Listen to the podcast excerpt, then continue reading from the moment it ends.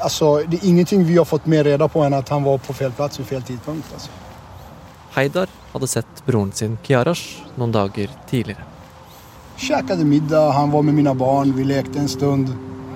Sen, eh, sen skjutsade jag tillbaka honom in till stan. Mm. Det var sist jag träffade honom. Kiarash skulle egentlig ikke være en del av noen gjengkrig. Men i januar i år blir han bedt om å megle mellom to venner av ham som har en konflikt seg imellom. Det han ikke vet, er at han er på vei inn i en dødelig felle. Han fikk et samtale samtal hemma Mm. og sen eh, sa han hei da til mamma og så gikk han ut. Du hører på Forklart fra Aftenposten, en podkast der vi forklarer én nyhet i hver episode. I dag om gjengkrigen i Sverige, og hvordan unge gutter blir brukt som våpen. Det er tirsdag 3. oktober, og jeg heter David Vekoni.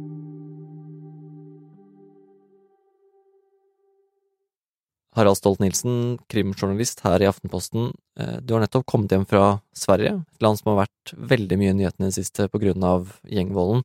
Hvordan er situasjonen der nå? Situasjonen eh, i Stockholm er jo helt ekstraordinær. Eh, flere av de vi snakker med, opplever jo at det går av bomber i deres områder, det skytes med automatvåpen jevnt og trutt, og folk kjenner på en utrygghet. Altså, hvem som helst kan rammes av dette. Mange av ofrene har jo ingenting med den pågående gjengkrigen å gjøre. Så en utrygghet. Eh, Samtidig i Stockholm sentrum så oppleves det jo som at det er helt normalt, men hvis man kommer ut til disse forstedene i og rundt eh, Stockholm, så er situasjonen en helt annen.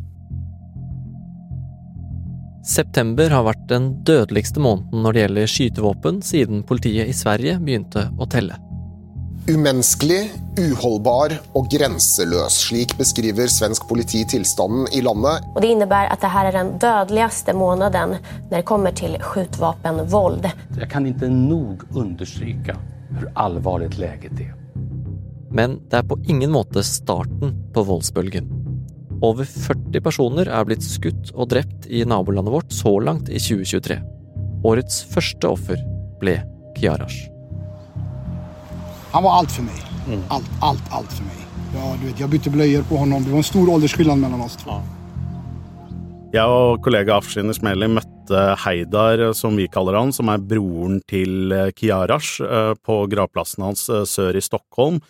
Eh, Der forteller han jo om eh, mye om broren sin, og hvordan han oppfattet han, og at han var en glad, positiv fyr som eh, elska å være med familien, men samtidig hadde en del utfordringer og problemer med å komme seg ut av eh, det miljøet han hadde blitt en del av. Han var veldig ødmyk, veldig snill, alltid glad. Men samtidigt väldigt eh, inåt för sig själv. Eh, Privatperson. Ja, ja, det var han. Väldigt fundersam. Haft mycket problematik sedan han var liten.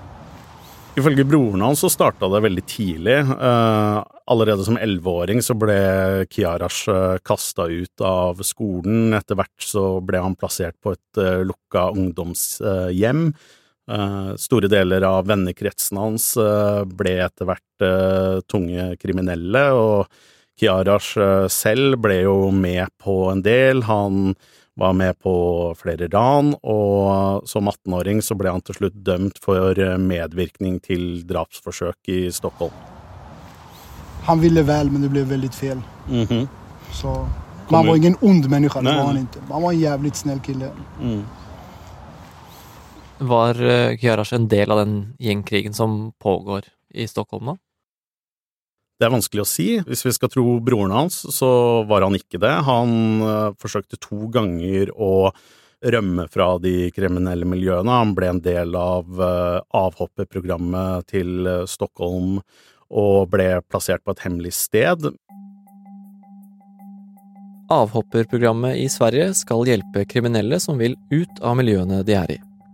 Som del av programmet blir du flyttet langt vekk fra kompisene dine og den kriminelle familien. Du forsvinner. Først tre måneder i en hotelleilighet i en annen del av landet, fulgt opp av konsulenter, lege og psykolog. Så etter hvert din egen leilighet. To ganger prøvde altså Kiarash å komme seg ut av Stockholm og ut av miljøet. Det broren forteller, er jo at han Det var for mye, den isolasjonen. Uh, det å sitte mutters aleine, ikke få lov til å snakke med verken mor, søsken, venner, uh, feire bursdagen sin helt aleine. Det tror jeg kan være en påkjenning for uh, de fleste. 4. januar i år reiser han ut til den lille forstaden Jordbro sør i Stockholm. Oppdraget hans er å megle, men i realiteten er han på vei inn i en felle. Midt i rushtrafikken så avfyres det flere skudd utenfor Jordbro stasjon. Eh, det oppstår panikk blant pendlerne, og da politiet kommer til stedet, da ligger det to menn på bakken. En av dem er Kiarash.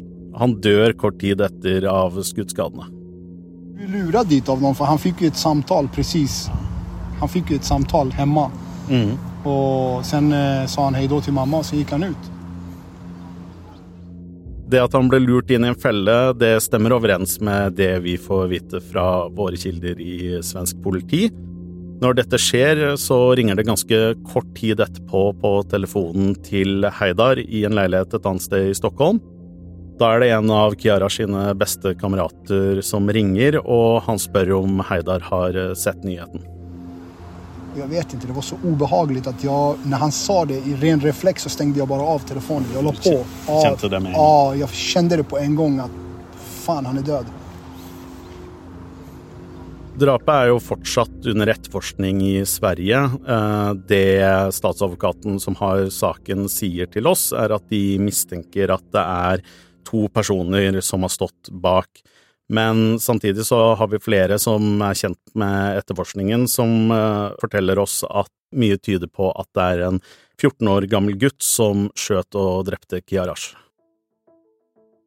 I Sveriges ukontrollerte gjengkrig er det ikke uvanlig at gutter ned i 15-årsalderen blir drapsmenn. De har fått kallenavnet Sikarios, og noen av dem ber om å få drepe.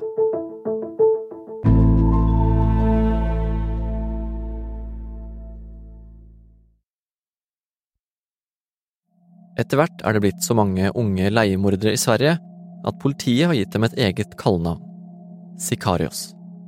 Sicarios er jo et begrep som stammer fra Latin-Amerika og brukes tradisjonelt om leiemorderne til narkokartellene der, og de dreper folk for penger. Og det vi ser er at uh, stadig flere unge gutter i Sverige tar på seg denne typen oppdrag i den svenske gjengkrigen. Hvordan er det de får de oppdragene, da? Noen av de blir bedt om å gjøre det, men vi ser i flere politidokumenter fra Sverige at uh, veldig mange unge menn mellom 15 og 18 år tilbyr seg å ta på seg denne typen oppdrag. De som tar på seg disse oppdragene, kjenner jo som oftest heller ikke offeret, og det har jo også ført til at uh, flere uskyldige har blitt uh, ramma i gjengkrigen. Hva er grunnen til at de ber om oppdrag hvor de skal drepe noen, da? De ønsker jo penger, da, og de summene de får for disse drapene varierer jo. Det laveste vi har hørt er 15 000, men eh, det er også beløp som eh, er langt høyere enn det, oppi flere hundre tusen kroner. Tonårspojke har skjutits i hjel i Skogås søder om Stockholm. Flaggan vajade på halv stång i vinden utanför Östra grundskolan i Skogås i Huddinge. En tragisk påminnelse om att ett 15-årigt liv her på högstadiet släckts. I januar ble en 15-åring skutt i hodet på en restaurant, og en annen 15-åring ble pekt ut som gjerningsperson. Han skal ha fått 100 000 kroner for drapet, og to dager senere skal han ha reist til det eksklusive varehuset NK og brukt pengene på merkeklær. Barn som blir en del av gjengkrigen er blitt et veldig synlig problem i Sverige, og familiemedlemmer har havnet på drapslistene. Blant annet skal det være satt en pris, 300 000 kroner, på mødrene til tre personer som sitter i varetekt. Pengene de får for å utføre disse drapene, bruker de gjerne på merkeklær, de drar på kino, de skal ha dyre jakker, de skal ha Gucci-caps, vesker, sko, og hvis du begynner å komme deg opp i det høyere sjiktet, så skal du også ha luksusklokker. Hvorfor er det akkurat det eh, pengene går til, da? Det er jo status for disse guttene og unge mennene å gå med en viss type merker. Du skal gjerne ha en Rolex-klokke, du skal ha en Moncler-jakke, du skal ha Nike sneakers, eh, altså sko, og du skal ha disse tingene for å vise status i disse miljøene. Det er jo noe de kriminelle miljøene bruker for å dra disse unge guttene inn i miljøene og få dem til å bli enda tyngre kriminelle. De bruker jo mye sosiale medier for å markedsføre seg. Det deles uh, videoer som viser at de har mye cash. Uh, det vises uh, dyre klokker, fancy biler, at de har de riktige klærne.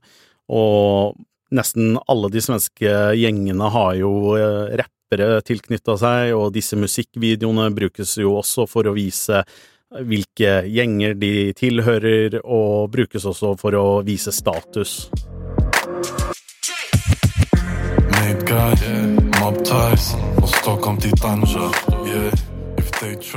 Og det er jo på denne måten at eh, de kriminelle markedsfører seg opp mot unge gutter. Etter at drapene er gjennomført, pengene utbetalt og brukt, så står det noen igjen familie og venner av offeret som lurer på hva som skjedde.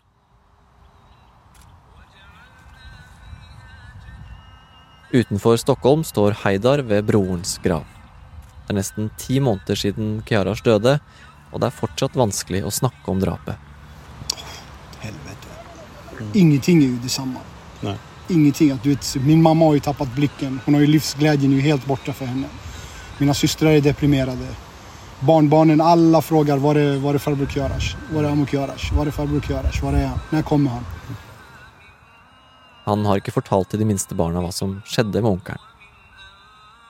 Det er særlig én ting som eh, plager eh, Heidar, og det er hvor meningsløst eh, dødsfallet til broren er. Han sier jo at Kiarash var jo ingen narkobaron. Han skulle dit for å megle mellom to parter som han trodde var vennene hans, men så kom jo den ene siden med våpen. Til hvilken nytte? Var, han var ingen Pablo Escobar. Han gjorde ikke 200-300 millioner dollar i måneden. Han var nolla innom den verden, om man sier så.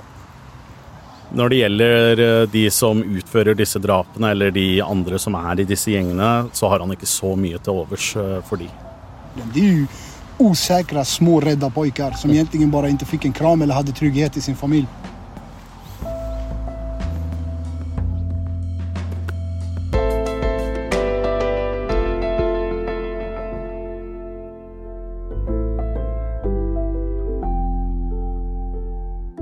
Du har hørt en podkast fra Aftenposten.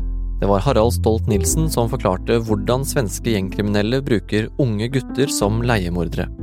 Lyden du har hørt er fra Haralds egne opptak fra Sverige og klipp fra Aftonbladet, SVT, TV4, NRK, TV 2, den svenske regjeringen og rapperen 23 på YouTube. Heidar er ikke det faktiske navnet til broren til Giarash. Politiet i Stockholm har anbefalt ham å ikke stå frem med navn og bilde, fordi det kan føre til trusler mot ham og familien. Denne episoden er laget av produsent Olav Eggesvik og meg, David Vekoni, og resten av Forklart er Synne Søhol, Jenny Førland og Anders Weberg. Følg oss gjerne i Spotify, så er du sikra å alltid få med deg dagens episode når den kommer. Og du kan være med på å svare på meningsmålinger eller sende oss tilbakemeldinger.